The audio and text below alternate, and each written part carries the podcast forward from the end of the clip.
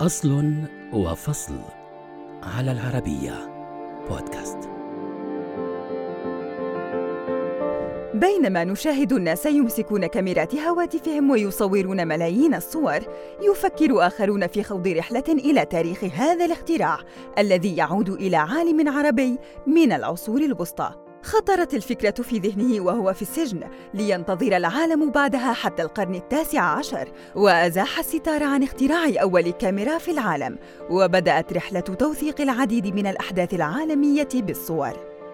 تعود فكرة الكاميرا إلى العالم الفيزيائي ابن الهيثم في القرن الحادي عشر عندما اكتشف وحلل آلية الإبصار في كتابه المناظر ولكنها بقيت مجرد نظرية حتى تبنى الفرنسي جوزيف نيبس الفكرة وأعلن في العام 1826 عن ابتكاره الكاميرا المظلمة والتقط من خلالها أول صورة فوتوغرافية في التاريخ على ورق مبطن بكلوريد الفضة التي لا تزال معروضة في جامعة تكساس حتى الآن.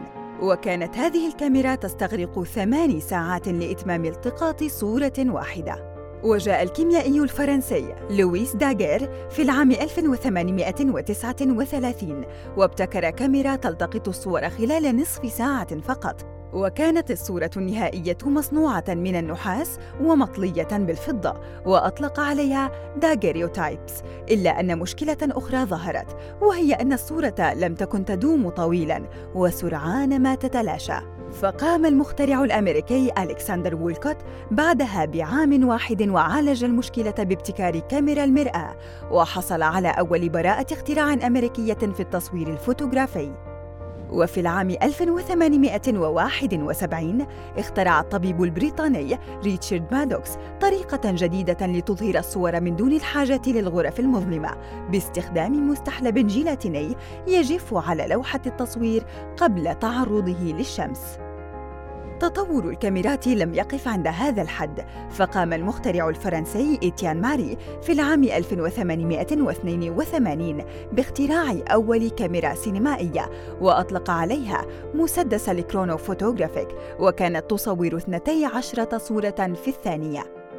بقي التصوير الفوتوغرافي على ما هو عليه حتى جاء الأمريكي جورج إيستمان في العام 1888 بفكرة أحدثت ثورة في صناعة التصوير الفوتوغرافي وابتكر أول كاميرا صندوقية من طراز كوداك تحتوي على لفافة ورقية واحدة تستخدم لتصوير 100 صورة وقام بعدها بسنتين بتسويق الكاميرا ليبيع الملايين منها بسبب سعرها المنخفض وم مرونتها وخفة وزنها وتعد بداية انتشار التصوير الفوتوغرافي.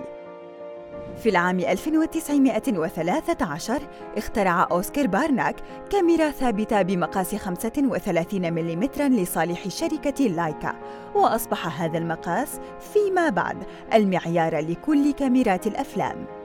ومع مرور الوقت بدأت الكاميرات تصبح أصغر حجماً وتصبح أكثر تطوراً.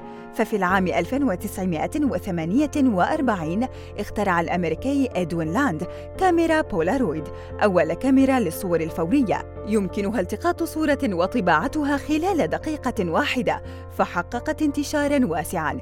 وبحلول الستينيات كانت كاميرا بولارويد أكثر الكاميرات شهرةً. في العام 1981 عرضت شركة سوني أول كاميرا رقمية ثابتة في العالم وقامت هذه الكاميرا بتسجيل الصور في قرص صغير ثم عرضها على شاشة التلفاز.